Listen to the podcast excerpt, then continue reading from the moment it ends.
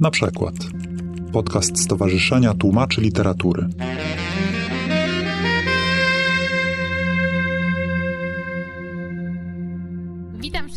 Serdecznie na panelu dyskusyjnym, który nosi tytuł Tłumacze na froncie zmian i podczas tego panelu będziemy mówić o tłumaczeniu odważnej literatury dla dzieci i dla młodzieży, odważnej obyczajowo. Będzie o seksie, będzie o przemocy, będzie o różnych rzeczach, które wydawałyby się nieoczywiste w kontekście tego tematu. Chciałam przedstawić naszych panelistów. Pani Joanna Dyła-Urbańska, anglistka, tłumaczka literatury angielskiej, wykładowczyni Uniwersytetu Łódzkiego, autorka przekładu dziennika Rachel lat 13 i 3 czwarte, o którym będziemy tu mówić. Pani Ewa Borówka, tłumaczka literatury angielskiej, autorka opowieści na dobranoc dla młodych buntowniczek, o których również będziemy tutaj mówić. I pan Paweł Urbanik, skandynawista, tłumacz literatury norweskiej, wykładowca Uniwersytetu w Oslo, autor przekładów książek Zły Pan i Wojna Grodale, o których też będziemy mówić i która to jest bardzo trudna książka, chociaż ona zupełnie tak nie wygląda na okładce. Ja nazywam się Dorota Konowrocka-Sawa, jestem tłumaczką literatury angielskiej i będę miała przyjemność poprowadzić dla Państwa ten panel. Pomyślałam sobie, że na takich spotkaniach o literaturze najmniej oddaje się głosu chyba samym książkom. I pomyślałam, że zacznę od rzucenia Państwa i nas na głęboką wodę i od przeczytania fragmentu książki dziennika Rachel, po to, żebyśmy wiedzieli, o czym my w ogóle mówimy.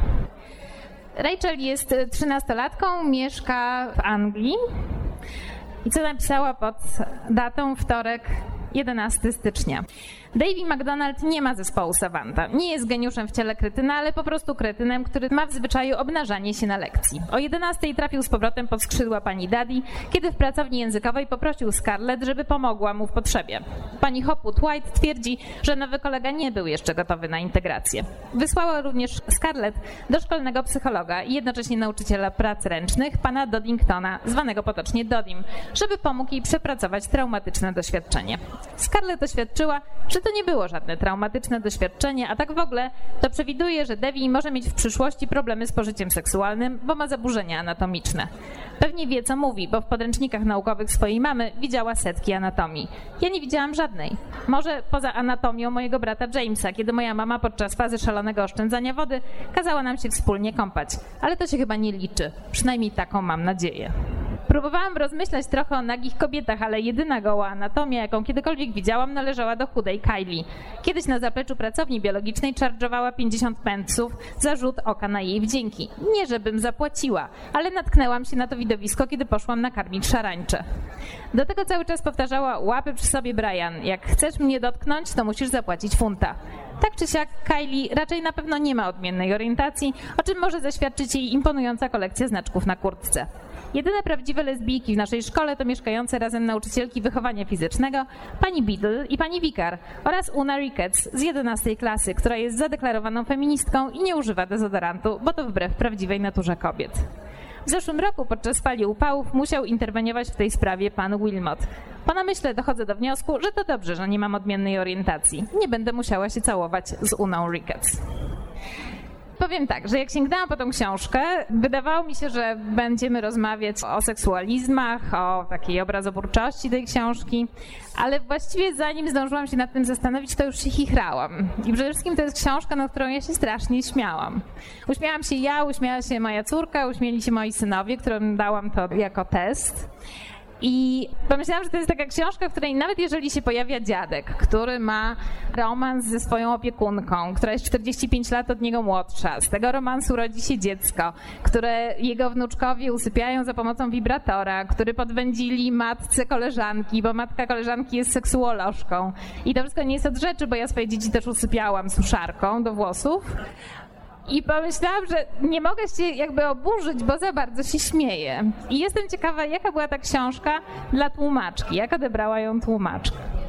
Dzień dobry Państwu. No faktycznie ta książka była bardzo zabawna, ale Myślę, że nie mogło być inaczej, bo jej głównym intertekstem, główną inspiracją autorki jest sekretny dziennik Adriana Mola, lat 13 i 3 czwarte. Ta informacja jest na okładce. Joanna Naden, autorka, pisze, że bez Adriana nie byłoby Rachel i że gdyby miała zabrać jakąś książkę na bezludną wyspę, no to byłby to Adrian Moll. Czyli z jednej strony mamy Sue Townsend i Adriana Mola. Jeżeli Adrian Moll, to, to jest książka bardzo głęboko zakorzeniona w takiej tradycji dziennika satyrycznego XIX-wiecznego literatury angielskiej, The Diary of a Nobody, braci Grossmith. I jakby schemat tej książki, koncept Adriana i Rachel jest taki, że ci bohaterowie mają bardzo dobre wyobrażenie o sobie, czują się lepsi niż inni, mają ogromne aspiracje intelektualne, wszyscy chcą pisać, maniakalnie czytają, no i to właśnie powoduje szereg niefortunnych zdarzeń i gaf w ich życiu, no bo okazuje się, że wcale tacy mądrzy nie są. Oprócz tego w tej książce jest mnóstwo takiego humoru, bym powiedziała, z krainy Monty Pythona, czarnego, absurdalnego humoru angielskiego. Faktycznie autorka kpi ze wszystkiego, z religii. Pamiętam taki fragment to jest 2005 rok i Rachel mówi, umarł papież i cóż z tego, przecież za chwilę wybiorą następnego. Ale też dziecko, które się rodzi, dziecko, które nazywa rodzi się dzieckowi, nazywa się tak. Jezus. Baby Jesus, Jezusek Jezus, tak. Ten usypiany wibratorem, tak kpi z religii, z monarchii, no oczywiście, z polityki, z ofiar tsunami, z ludzi starszych, z feministek. No, ten humor moim zdaniem czasami balansuje na granicy dobrego smaku. Jest taki bardzo, bardzo mocny. Ten przykład, który pani podała, dziecko usypiane wibratorem. Przeczytała pani fragment, gdzie występują dwie nauczycielki WF-u, które są parą. W pewnym momencie Rachel śledzi je w supermarkecie, podąża za nimi alejkami i patrzy, co one kupują, co wkładają do wózka. No, oczywiście są to truskawki, banany, czekolada, bita śmietana, więc to jest takie balansowanie. Świętości nie ma żadnych. Natomiast to nie jest książka wulgarna, absolutnie. I ona o seksie mówi bardzo mądrze, ale rozumiem, że o seksie i o anatomii nieszczęsnej to No właśnie chciałam zapytać później, o tą tak? anatomię, bo gdyby nie to, że wcześniej wymieniłyśmy kilka maili, to ja we fragmencie, gdzie pojawia się oglądałam anatomię Jamesa albo oglądałam anatomię Kylie, nie wiedziałabym o co chodzi. Więc skąd się wzięła w tej książce anatomia zamiast zwykłej cipki? Nieszczęsna anatomia no, wzięła się z, sugestii wydawnictwa, które w jakiś sposób starało się język tego przekładu łagodzić. To jest książka o dojrzewaniu, o bolesnym dojrzewaniu, więc siłą rzeczy seksu jest tam dużo. Bohaterka bardzo przeżywa, że ma takie właściwie no, znikome doświadczenie seksualne. Cały czas się zastanawia, kiedy zacznie prowadzi godzinne konsultacje ze swoją przyjaciółką telefoniczne. Matką tej przyjaciółki jest e, seksuolożka, ta, która jej daje ten wibrator. Więc jakby ten seks jest tam cały czas obecny i jeśli chodziło na przykład o nazewnictwo sfer intymnych, no to faktycznie wydawnictwo takie sugestie mi przysyłało, że nie cipka albo inaczej, tylko ta nieszczęsna anatomia.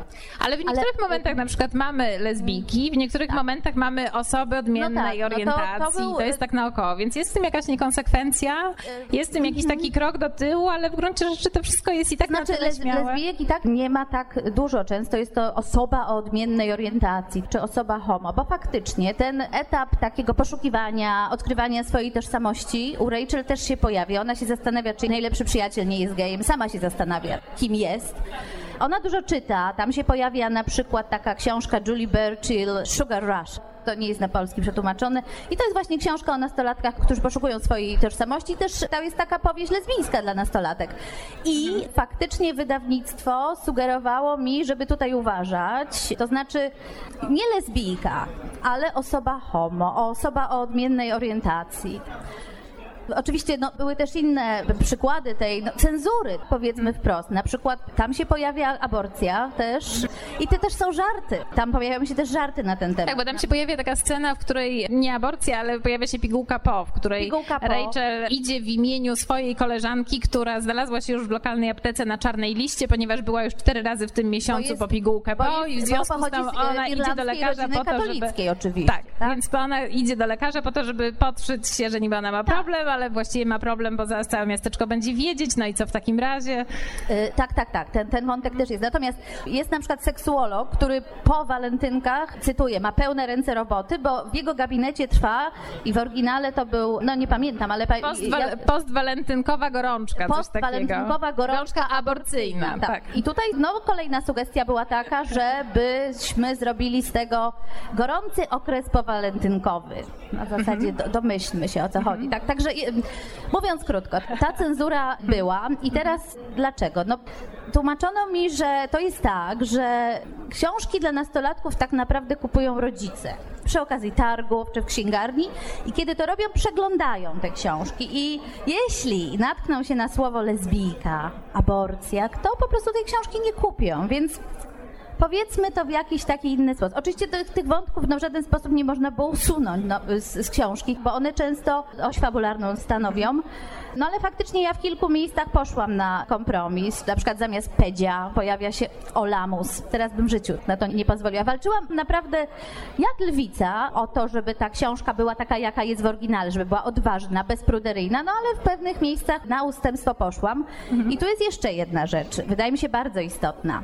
To jest wydawnictwo Akapit Press, które w Polsce wydaje powieści innymi Małgorzaty Musierowicz, albo przede wszystkim Małgorzaty Musierowicz, też Krystyny Siesickiej.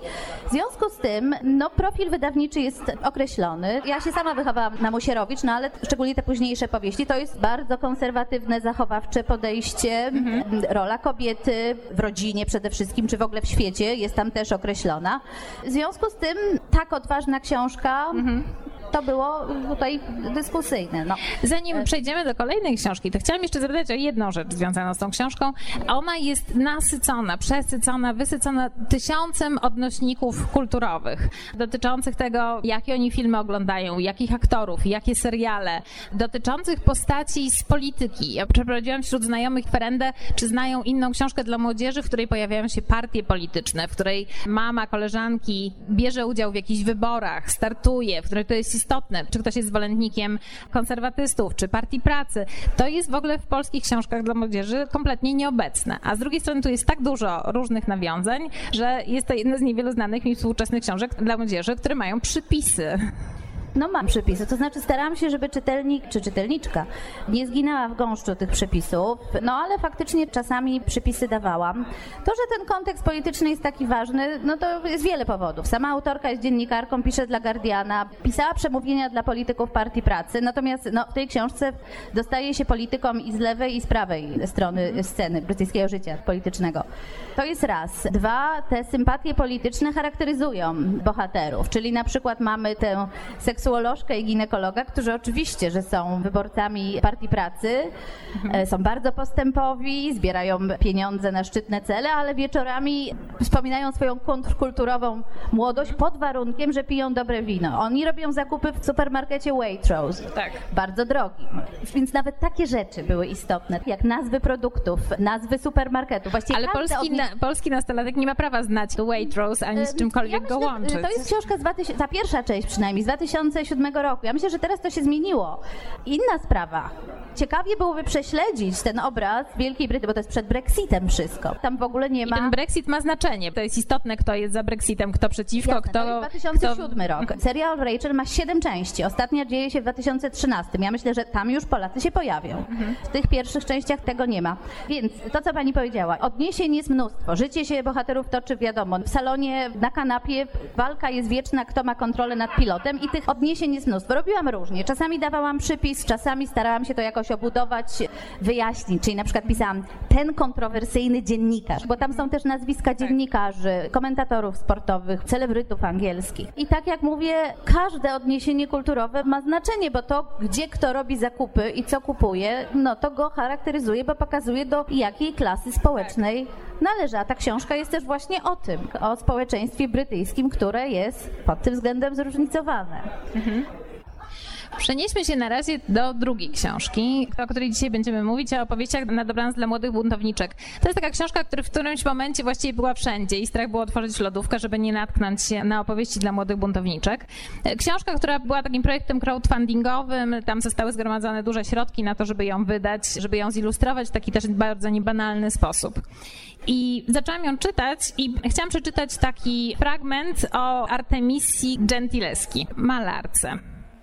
Dawno temu żyła dziewczynka, która wspaniale malowała. Miała na imię Artemisia, była piękna i silna. Jej ojciec Oratio też był malarzem i kształcił córkę w swojej pracowni. Zanim Artemisia ukończyła 17 lat, zdążyła już namalować kilka arcydzieł, a jednak ludzie powątpiewali w jej talent. Jakim cudem ona miałaby tak malować, szemrali za jej plecami. W tamtych czasach kobietom najczęściej nie wolno było nawet zbliżać się do pracowni słynnych artystów.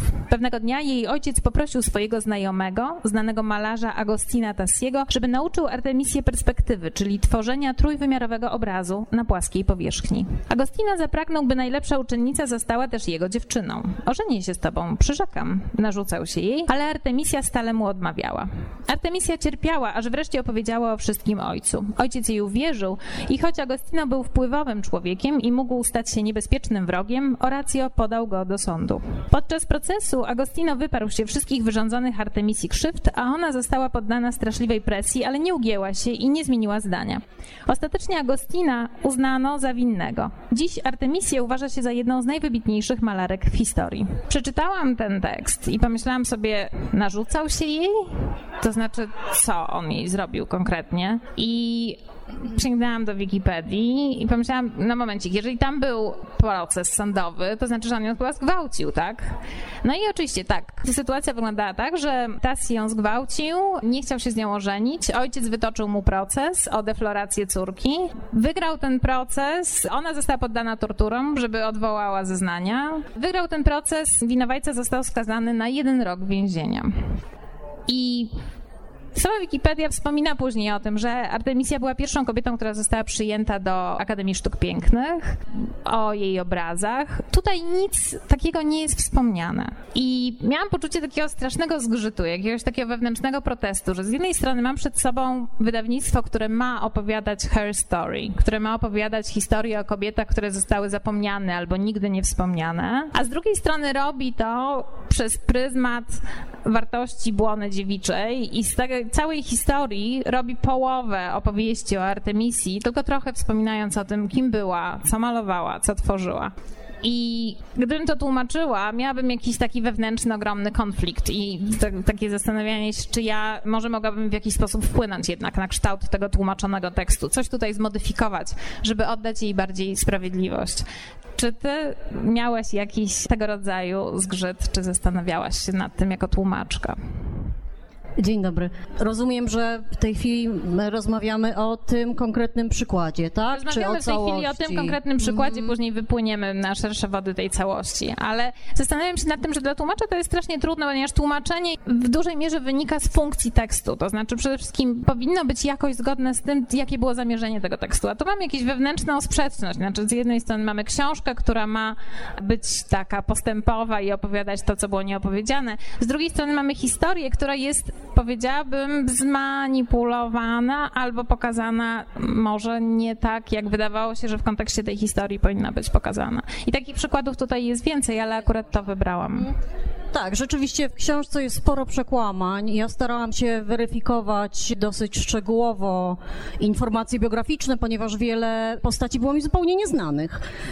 Myślę, że czytelnikom również, bo wygląda na to, że autorki dobierały te bohaterki według jakiegoś klucza, sobie tylko zdanego, ale są tam zarówno postaci, które wszyscy znamy, jak również takie, które są zupełnie zapomniane albo wręcz no, znane w wąskim kręgu. W każdym razie, jeśli chodzi o ten konkretny przykład, to zacznę może od tego pierwszego zarzutu, czyli przemilczenie tematu gwałtu. Przez autorki, nie przeze mnie. Otóż to akurat jest książka dla grupy wiekowej. Później autorki widziałam, że to na stronach trochę zmieniły, ale na początku było przewidziane od piątego roku życia, więc myślę, że tłumaczenie nawet siedmioletniemu dziecku tego czasownika zgwałcił mogłoby być jednak Ale może można Trudne. było w ogóle o tym nie pisać, czy pominąć, mm. znaczy wyciągnąć na pierwszy plan jej osiągnięcia, tutaj coś wspomnieć o tym, że były mhm. trudności, ale jeżeli się wyciąga, jednocześnie mówi o gwałcie, ale także się nie mówi o gwałcie, no to robi się taka sytuacja bardzo trudna. Tym bardziej, że rozmawiałyśmy przez telefon, to było wspomniane o tym, że książki dla młodzieży w opinii wydawnictw to są takie książki, które rodzice kupują dla dzieci. Natomiast z drugiej strony, ja też jako matka i jako ktoś, kto słyszy, co robią inni rodzice i sam wie, co robi, mam poczucie, że z takimi książkami dzieci czasem zostają same. Zostają same z tym niewyjaśnionym tematem, zostają same bez dodatkowego komentarza i to są trudne przedsięwzięcia. Tak, y, opowieści na dobranoc dla młodych notowniczek. Proszę Państwa, jeśli będziecie kupować tę książkę dla dziecka, zwłaszcza małego, nie zostawiajcie dziecka z tą książką samego. Rzeczywiście w książce jest wiele uproszczeń, jest sporo przekłamań i ja mogę tylko przypuszczać, co kierowało autorkami Przypuszczam, że to miał być rodzaj takiego ziarenka rzuconego dla, dla młodego czytelnika. Ziarenka, które potem gdzieś tam by miało wykiełkować pod postacią pogłębiania y, wiedzy na temat tych bohaterek, bo historie są szalenie uproszczone, nie tylko ta, ale właściwie wszystkie, bo tutaj też są takie ścisłe ograniczenia graficzne. Każda opowieść musi mieć dokładnie tę samą długość. I do tego jeszcze ta formuła, którą wymyśliły, czyli formuła bajki, to wszystko no, narzuciło tę formę. A ja jako tłumaczka, jeśli pani pyta, czy miałam e, pokusę, żeby coś tam zmieniać, to owszem, zmieniałam dużo, ponieważ w książce było trochę błędów, więc błędy takie merytoryczne trzeba było zmieniać. Jeśli chodzi natomiast o zmianę treści, to ja swoją rolę w procesie wydawniczym bardziej widzę jako rolę takiej znaczy mam dużo pokory do tekstu i bardziej widzę swoją rolę jako takiej sadowniczki, która jeśli siedzi na starej jabłoni, to przytnie te suche gałęzie, może przerzedzi nieco koronę, ale nie zaszczepi nowego gatunku. Ale Bo to taka... już nie będzie ta jabłoń, więc Aha. nie zdecydowałabym się na to. To bardziej zarzut do autorek niż do mnie. Mhm. Ale była taka warstwa, która tutaj została dodana, bo musiała zostać dodana, mhm. czyli warstwa żeńskich końcówek. O żeńskie Aha. końcówki mhm. toczy się w polszczyźnie walka taka powiedziałabym, większa niż wydawałoby się, żeby należało ją toczyć. W każdym razie toczy się walka, czy może być chirurżka, czy może być astronomka, czy może być architektka. W tej książce jest prymatolożka, architektka, astronomka, filozofka, archeolożka, ale chirurżka już nie przeszła, jest chirurg. Co się stało z chirurżką? Chirurżka została na moim twardym dysku. Muszę powiedzieć, że miałam, jeśli chodzi o wydawnictwo Debit, bardzo duże wsparcie kwestii feminatywów, ponieważ po dłuższym namyśle, po zasięgnięciu języka u różnych osób, po licznych lekturach, doszłam do wniosku, że jeśli feminatywy, to konsekwentnie. Mhm. Więc nawet szpiegini, która brzmi... Jeszcze raz jak? Szpiegini. Nie szpieg, tylko szpiegini. Ale, bo, nie ma tam szpiegini, czy jest? Szpieg, został szpieg. Okay. Został szpieg. Więc y, stwierdziłam, że no dobrze, jeszcze po konsultacji z redaktorką, z redakcją doszliśmy do wniosku, idziemy na całość. Więc miałam wsparcie, jeśli chodzi o bezpośrednią moją przełożoną, obecną tutaj zresztą, pozdrawiam, ale sprawa ugrzęzła na, że tak powiem, najwyższym szczeblu. To znaczy, nie miałam ostatniego słowa mhm. w tej sprawie. A gdyby to ode mnie zależało, to poszłabym na całość. Mhm.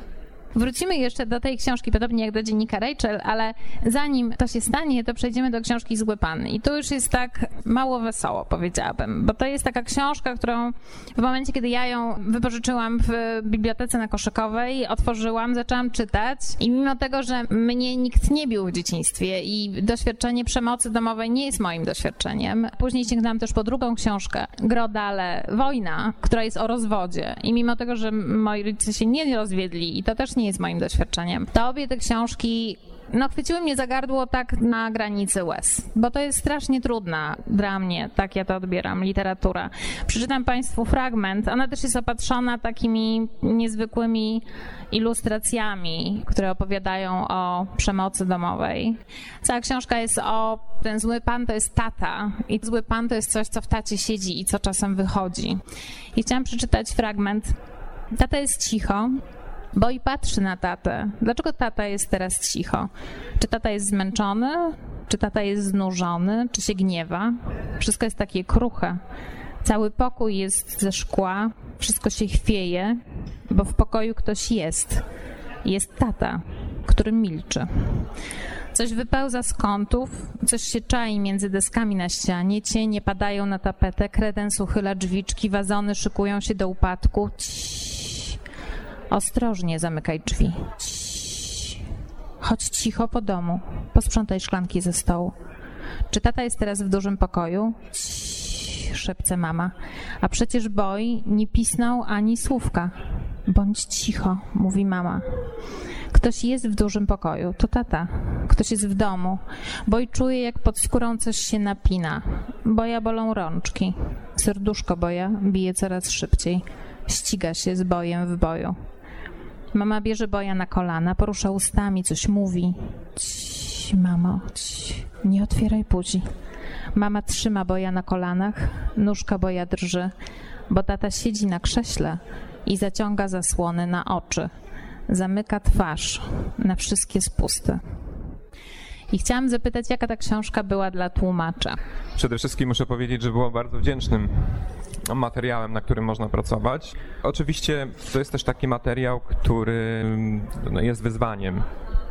Ze względu na to, w jaki sposób jest ona napisana, czemu służy, jak wygląda język w tej książce, jak współgra język z ilustracjami. To wszystko trzeba uwzględnić, ale też zdarzają się oczywiście takie frazy w języku oryginału, słowa czy zdania, nad którymi naprawdę trzeba się zastanowić. Więc pod tym względem była wyzwaniem ale niesamowicie wdzięcznym wyzwaniem. Znaczy miałem wystarczająco dużo czasu na to, żeby przetłumaczyć tę książkę, na to, żeby przemyśleć każde zdanie, ale to znaczy, że pan się zupełnie nie czuje taki przewałkowany przez to. My ostatnio rozmawialiśmy Nie, w gronie tłumaczy o tym, że są takie książki, które nas zostawiają jakimiś zupełnie innymi ludźmi, które są zupełnie takim miejscem, w których nie wiemy, czy chcemy pójść i czy chcemy to przeżywać i czy chcemy to przetwarzać. No właśnie, i teraz to zależy, jaką rolę się przyjmie. Jeżeli przyjmę rolę tłumacza, dla mnie to jest po prostu naprawdę wdzięczny materiał, który ogromną satysfakcję mi sprawił. Ja uwielbiam tego typu treści tłumaczyć. I miałem takie szczęście, że mogłem przetłumaczyć tę i następną książkę i jeszcze też parę innych, które były wyzwaniem takim językowym. A mnie nie jestem literaturoznawcą, nie jestem teoretykiem przekładu, jestem językoznawcą i jakby skupiam się przede wszystkim na tym języku i próbuję też oddać pragmatyczną, powiedzmy, funkcję wypowiedzi. Ale z drugiej strony, oczywiście, patrzę się na tę treść i patrzyłem na tę treść z perspektywy no, zwykłego człowieka.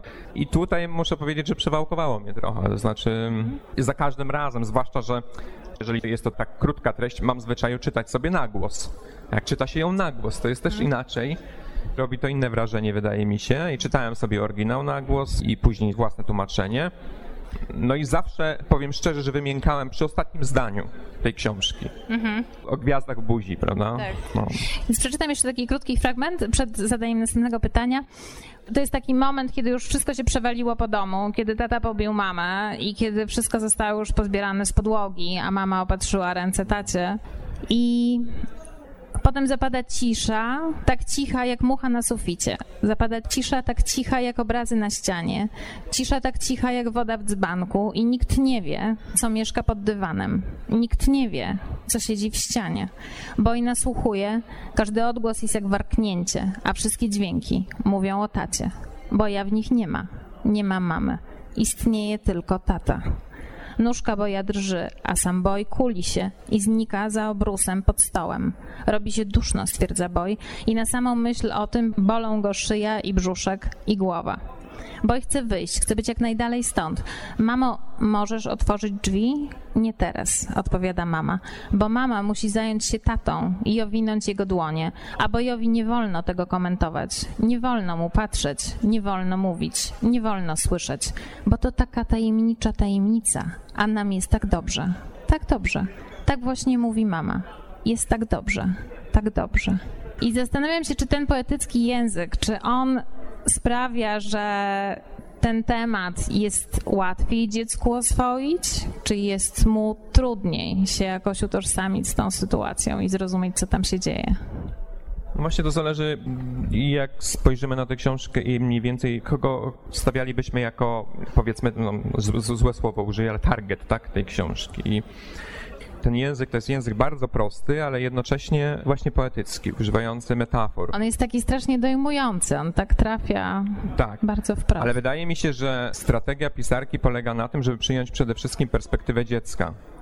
I opowiadać to z perspektywy dziecka. Ona nawet stosuje taką technikę, w której używa trzecioosobowej perspektywy, ale zmienia ją, nie zaznaczając, że jest to wypowiedź, na pierwszoosobową. I później wraca do trzecioosobowej, ale wciąż to jest perspektywa boja.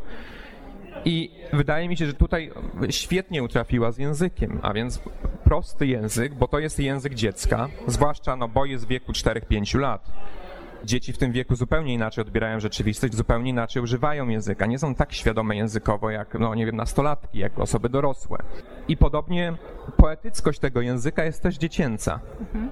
Używanie często metafor, które są nieco dziwne. Metafor czy innych figur stylistycznych, które składają się ze słów pozornie niepasujących do siebie na przykład. Ale jednak w tym wydaniu one nabierają innego znaczenia, odwołują się do emocji, do tego, w jaki sposób dziecko w danym momencie przeżywa rzeczywistość, czy ją odbiera i interpretuje. I teraz jest pytanie, no właśnie, komu ten język służy? Wydaje mi się, że głównym zamierzeniem tej książki, czy autorki tej książki było napisać utwór, który może na przykład pomóc i z tego co wiem pomaga w sesjach terapeutycznych. I właściwie nie wiem, na ile takie podejście jest skuteczne, ale wydaje mi się, że dzieci, i z tego co wiemy, sama autorka o tym mówiła, dzieci zupełnie inaczej odbierają tę historię, jako opowieść, jako bajkę, a dorośli zupełnie inaczej.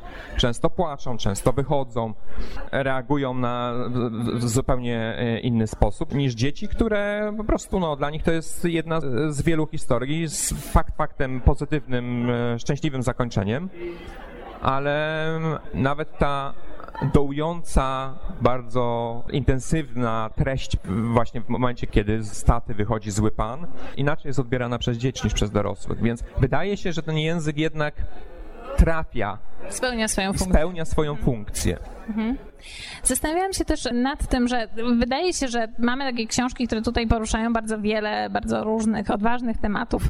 No bo już mamy książki, które mówią o seksie, o narkotykach, o homoseksualizmie, o masturbacji, o identyfikacji płciowej, o śmierci w rodzinie, o ciężkiej chorobie dziecka czy rodzica, rozwód. To wszystko to są już jakoś tam tematy oswojone ale zastanawiając się nad tym, co jest jeszcze nieoswojone, o czym jeszcze nie mówimy, pomyślałam, że wciąż mamy całą masę tematów tabu, które chyba są cały czas jeszcze obce literaturze dziecięcej i młodzieżowej eurosieroty, pedofilia w kościele, przemoc seksualna wobec dzieci, e, na przykład w ogóle wobec dzieci, czy stosowana przez rodziców, samobójstwo dziecka czy rodzica, alkoholizm rodziców, rodzic przebywający w więzieniu, rozwód, który nie jest tylko rozwiązywalnym problemem, ale taką traumą rozbitej, skonfliktowanej rodziny, napięcia na tle narodowościowym i znowu nie jako rozwiązany problem, czy rozwiązywalny problem, tylko jako źródło konfliktu i przemocy. Ponieważ ze Skandynawii właśnie przychodzi do nas masa tych książek, które poruszają trudne tematy i które się nie boją i które są odważne. Jest taka książka Tabu w literaturze dziecięcej, czy Tabu w literaturze dla dzieci, nie, nie pamiętam w tej chwili dokładnie tytułu, która opisuje, że również aborcja jest poruszana w kontekście, czy wybory aborcyjne. Była taka książka, w której nastolatka się zastanawiała, usunąć, nie usunąć. Książka nie daje na końcu odpowiedzi, ale pojawia się w ogóle problem. O czym w tej chwili rozmawia Skandynawia, Norwegia, jakie tematy porusza? No właśnie, wydaje mi się, że moglibyśmy odwrócić pytanie i powiedzieć, czego nie poruszają. Bo poruszyli bardzo dużo już dotychczas. Ja nie znam dobrze literatury dziecięcej na tyle, żeby powiedzieć, jakich tematów, czy, czy poruszyli, czy nie poruszyli. Wiem, że oczywiście pewne tematy, które pani wymieniła, tematy tabu, i te, które już w Polsce funkcjonują, one są już przerobione dość dawno w Skandynawii. Natomiast ostatnio pojawiły się, zresztą Gruda, ale z tego słynie, że ona podejmuje takie problematyczne kwestie. Pojawiają się na przykład temat kazirodczego molestowania, brat, siostrę w rodzinie. To jest jedna z książek, która ostatnio została napisana przez Grudale. Wywołała oczywiście też kontrowersje. To nie jest tak, że w Skandynawii to przechodzi Norwegii, niezauważone. I że to przechodzi niezauważone, że wszyscy okej, okay, super, fajnie, nie? To wywołuje dyskusje i te dyskusje toczą się przez media. Natomiast wydaje się, że jakby kulturowo ugruntowało się takie przekonanie, że nie ma tematów, z którymi nie warto oswajać. Mówię o Skandynawii.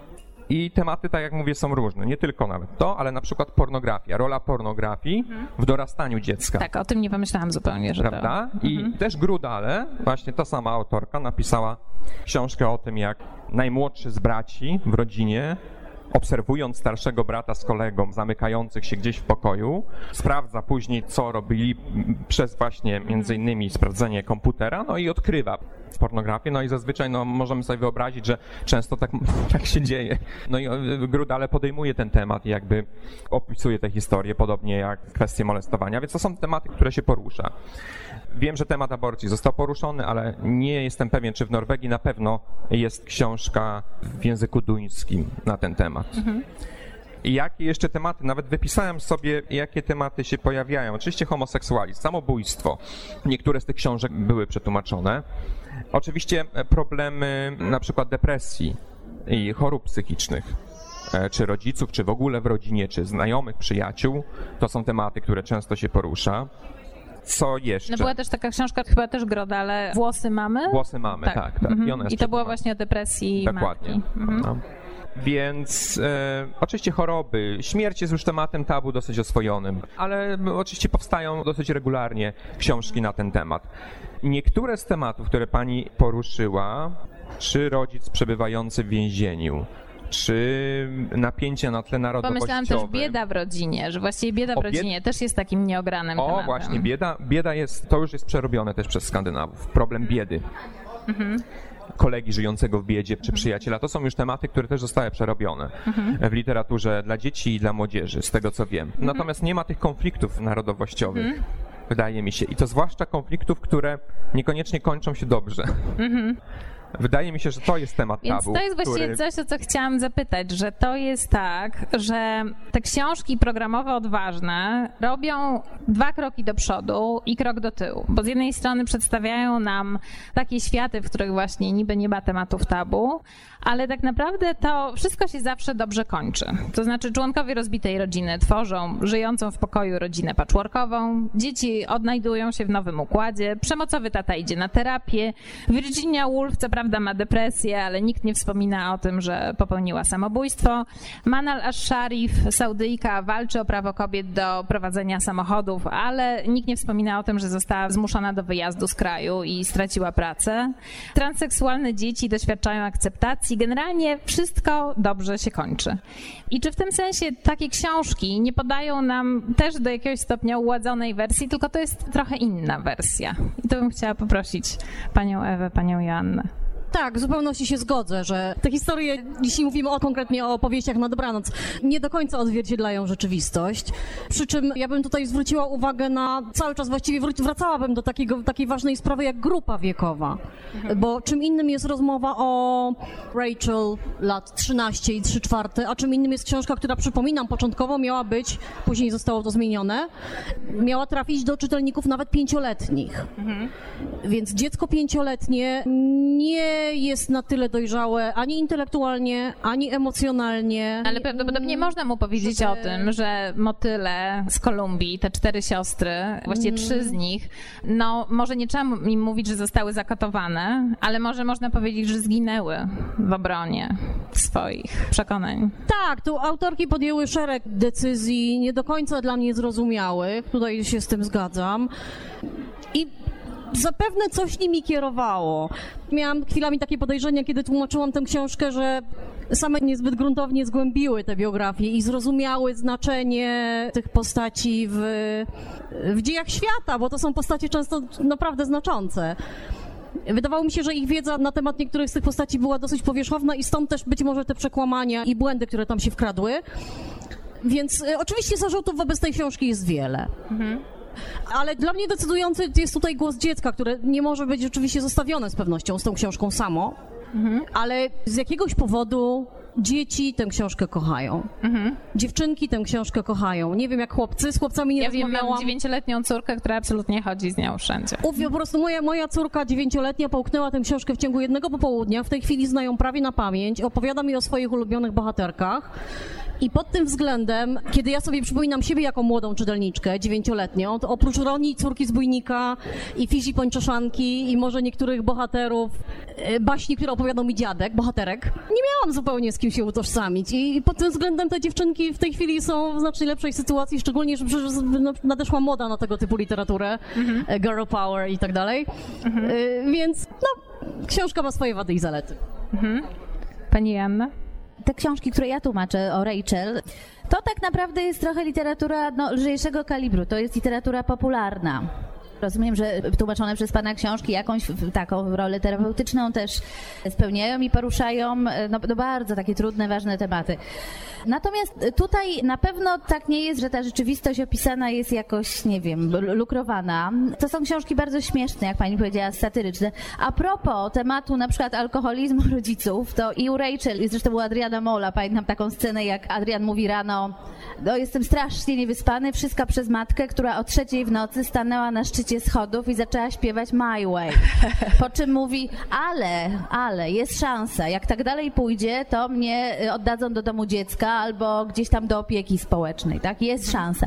Także to są zupełnie inne książki, ale chciałam jeszcze powiedzieć o czymś takim, że ta konwencja takiego satyrycznego dziennika, gdzie się mówi, kpi się ze wszystkiego praktycznie, nie ma żadnego tabu, jest taki czarny, Monty Pythonowski humor, że ta konwencja, przez to o czym mówiłam wcześniej, że mamy jakieś inne oczekiwania wobec literatury dla młodzieży czy dla nastolatek, ta konwencja nie do końca, wydaje mi się, się przebija w Polsce i ja na przykład szukałam recenzji recenzji dziennika Rachel i znalazłam recenzję czytelniczek, czyli coś, na czym mi najbardziej zależało. I właśnie, i na, to chyba jest na czytamy.pl. E, ta książka się bardzo dobrze sprzedała, ale to było przed świętami Bożego Narodzenia.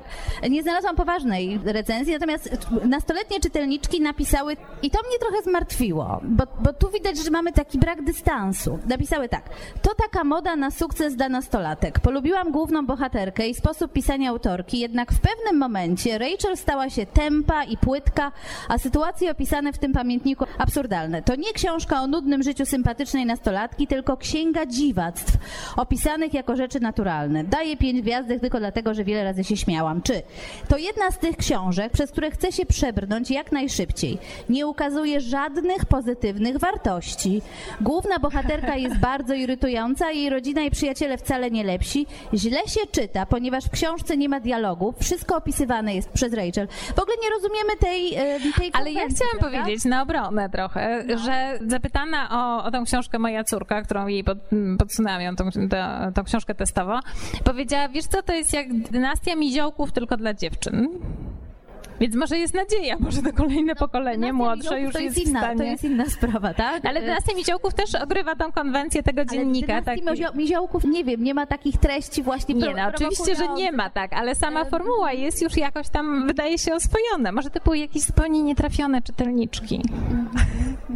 Znaczy, to, mnie tylko zasmuciło, że jakby, no też to, że tutaj, tak jak mówiłam wcześniej, ta książka bardzo taki mądry sposób mówi o seksie, oswaja wiele tematów, tak na luzie właśnie bez moralizatorstwa. I to, że, y, no, że jakby nie jesteśmy jeszcze na to gotowi. Chociaż jest przecież seria o Rudolfie Joanny Fabickiej. Ja tutaj przed spotkaniem sobie poszukałam i wydaje mi się, że to jest właśnie ten polski Adrian Moll, na którego czekaliśmy. Tak? Także coś się zmienia. No ale muszę to powiedzieć. Jeżeli ktokolwiek zastanawia się, żeby w powieści dla nastolatków, nastolatek ocenzurować słowo gej czy lesbijka, no to naprawdę, to, to jest bardzo smutne, tak? Jeżeli komuś w ogóle taki pomysł przychodzi do głowy, żeby na etapie przekładu mhm. ingerować w to. Jeżeli ktoś nie chce takich książek kupować, to nie musi, ale no, to są takie decyzje na, na, na wysokim szczeblu, więc mhm. jeżeli komuś to przychodzi do głowy, no to źle, źle się dzieje. Mhm. Chciałam zamknąć taką refleksją nad fragmentem, który znalazłam właśnie o tym tabu w książkach dla dzieci. To pochodzi z eseju Małgorzaty Cackowskiej pod tytułem Ideologii dzieciństwa dzieciństwa, a tabu w książkach obrazkowych dla dzieci. I autorka pisze o wprowadzaniu do obiegu życia publicznego marginalizowanych dotychczas treści. I pisze tak.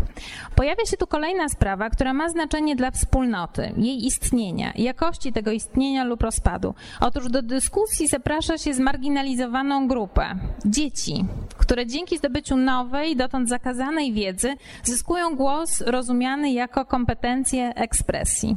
Co to znaczy dla społeczeństwa i wspólnoty? Mianowicie staje się ono demokratyczne, działające w nim podmioty już w fazie dzieciństwa realizują ten projekt polityczności za sprawą produkcji, dystrybucji, reprodukcji wiedzy społecznie konstruowanej.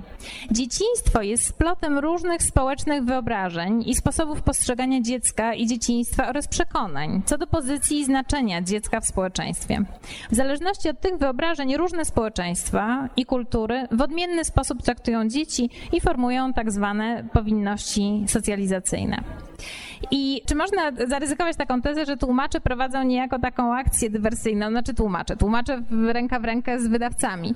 Taką akcję, która jakby przeszczepia inne wyobrażenie o tym, co dziecko może czytać, z czym dziecko się może zapoznawać, o czym dziecko może mówić i w jakiej sprawie może zabierać głos. Że przeszczepiają to ze Skandynawii, z innych krajów, ze Stanów, z Wielkiej Brytanii na polski grunt trudno tutaj właściwie odpowiedzieć na to pytanie, dlatego że musielibyśmy uznać, że wyobrażenia są jakimś pewnym monolitem funkcjonującym w danej kulturze. Przecież te różne wszystkie wyobrażenia się zmieniają i na to nie mamy większego wpływu. Rola, czy, czy wyobrażenia właśnie o roli dziecka, czy o, o dziecku, o tym, w jaki sposób powinno być uświadamiane o pewnych rzeczach i tak dalej, to się zmienia, to przychodzi właściwie, czy tego chcemy, czy nie. No ale to się I... zmienia również dzięki literaturze, która wprowadza, nie wiem, Wielką dzięki. Księgę Cipek, Owszem. Wielką Księgę Siusiaków, Wielką Księgę tak. o kupie, Księgę o demokracji, o, pamiętam, była mała książka o przemocy, mała książka tak. o demokracji i tak dalej, czyli niejako wprowadza pewne tematy do tej debaty. No i właśnie teraz warto się zastanowić, czy e, tak różnorodna perspektywa nie jest czymś dobrym, e, czy czymś o wiele lepszym niż jednorodna, jakkolwiek e, mogłaby ona wyglądać, bo nawet wydaje mi się, że trudno by było mówić na przykład o konkretnej jakiejś jednej perspektywie na daną kwestię, perspektywie polskiej tutaj w tej kwestii, prawda? Natomiast, no właśnie taki wielogłos mam wrażenie, że jest czymś potrzebnym, dlatego że każdy może po prostu sobie wybrać i jeżeli jest zainteresowany, to sięgnie po takie książki. Oczywiście, jeżeli nie jest, to nie sięgnie, ale ważne jest, wydaje mi się to, że one są dostępne. Z drugiej strony, jako tłumacz, no w jakiś sposób jestem ambasadorem języka norweskiego, kultury norweskiej, czy skandynawskiej ogólnie i tego, co ona oferuje tego, co ona wypracowała przez wiele lat. Czy mnie się to podoba, czy nie podoba. I to proponuję jako dorobek tej kultury, na przykład na naszym polu.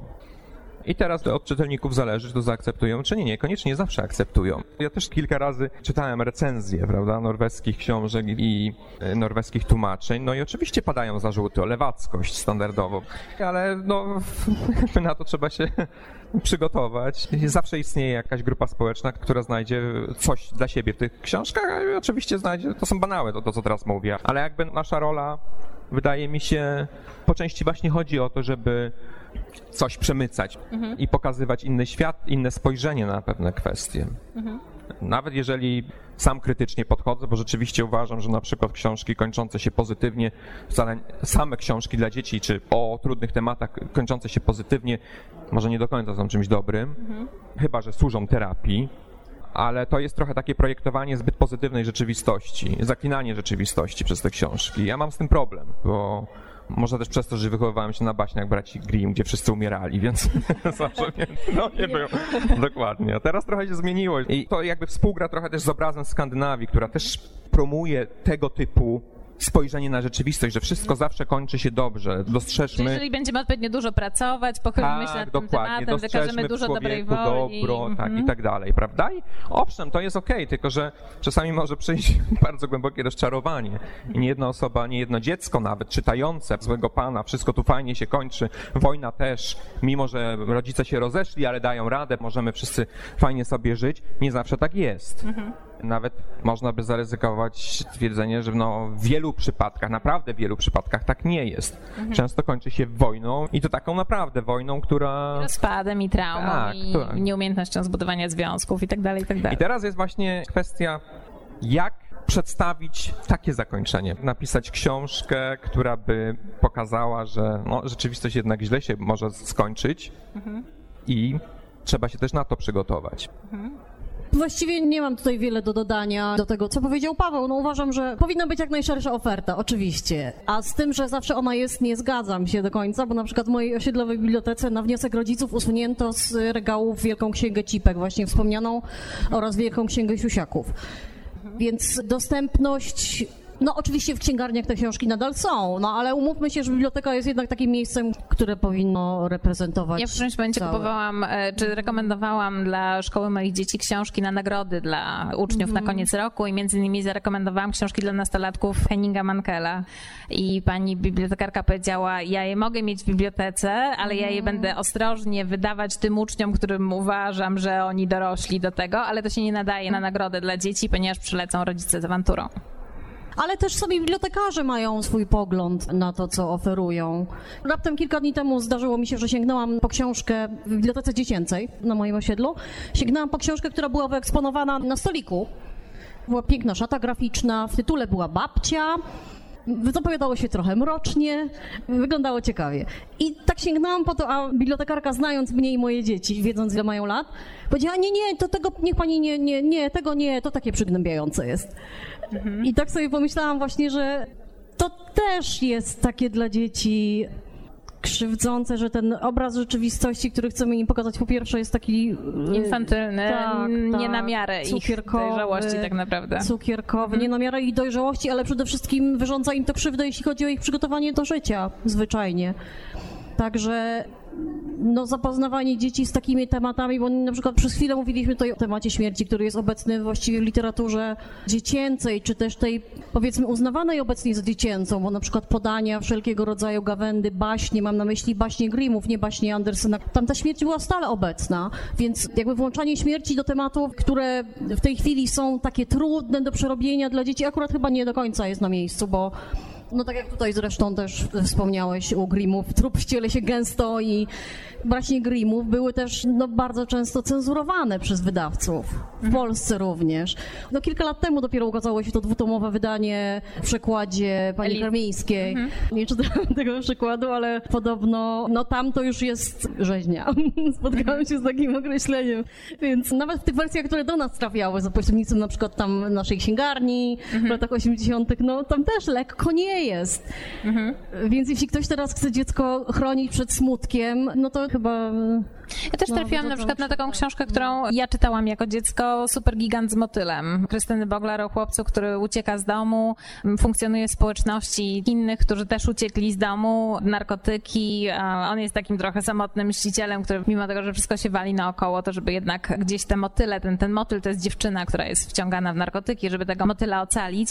A z drugiej strony też jako dziecko i jeszcze w szkole podstawowej, no czytaliśmy my dzieci z dworca zoo. My dzieci z dworca zoo to zdecydowanie nie jest lekka lektura i sięgnęłam po to rok temu, bo coś tłumaczyłam takiego, co wymagało sięgnięcia po to i przeżyłam to potwornie. Znaczy, to było dużo trudniejsze dla mnie niż wtedy zapamiętałam z tej podstawówki, ale miałam taką refleksję, że to jest tak z literaturą, że jeżeli czegoś nie przeżyliśmy, jeszcze nie zrozumieliśmy, nie mamy tego desygnatu do tego, co literatura opisuje, to szanse na to, żeby ta literatura zrobiła nam krzywdę, nie wiem, sprowadziła nas na złą drogę, uświadomiła za bardzo, są bardzo nikłe tak naprawdę. Jeżeli nie mamy tego wyobrażenia, co się za tymi literkami kryje. Ja jako siedmiolatka czytałam na przykład filozofię w buduarze Markiza de Sade, ponieważ mam brata 11 lat starszego, który dostał na 18 urodziny taką maleńką e, publikację właśnie. No ewidentnie nie jest to w żaden sposób lektura dla dzieci. Natomiast czytałam to głównie dla momentów, przewijając wszystkie te filozofowania, ale zrozumiałam w gruncie rzeczy piąte przez dziesiąte i nie mam poczucia, żeby głęboko wypaczyło to mój stosunek do seksu i w ogóle jakoś zrobiło mi wielką krzywdę.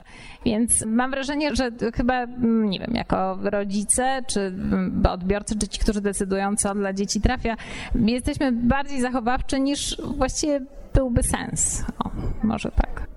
Janna, chciałabyś zakończyć? No, zakończyć. To zgadzam się z wszystkim tym, co Państwo powiedzieli. Dywersanci, tak? Dywersja. Myślę, że takie myślenie o tłumaczach jako dywersantach, ludziach, którzy coś rewolucjonizują w polszczyźnie wbrew oczekiwaniom, wbrew przyzwyczajeniom, konwencjom, no to jest mi bardzo bliskie, bo myślę, że to jest właśnie nasza rola. Jak najbardziej. Tym zakończmy. Bardzo dziękuję wszystkim Państwu, którzy nas wysłuchali. Dziękuję naszym panelistom. Dziękuję. Dziękuję. Dziękujemy.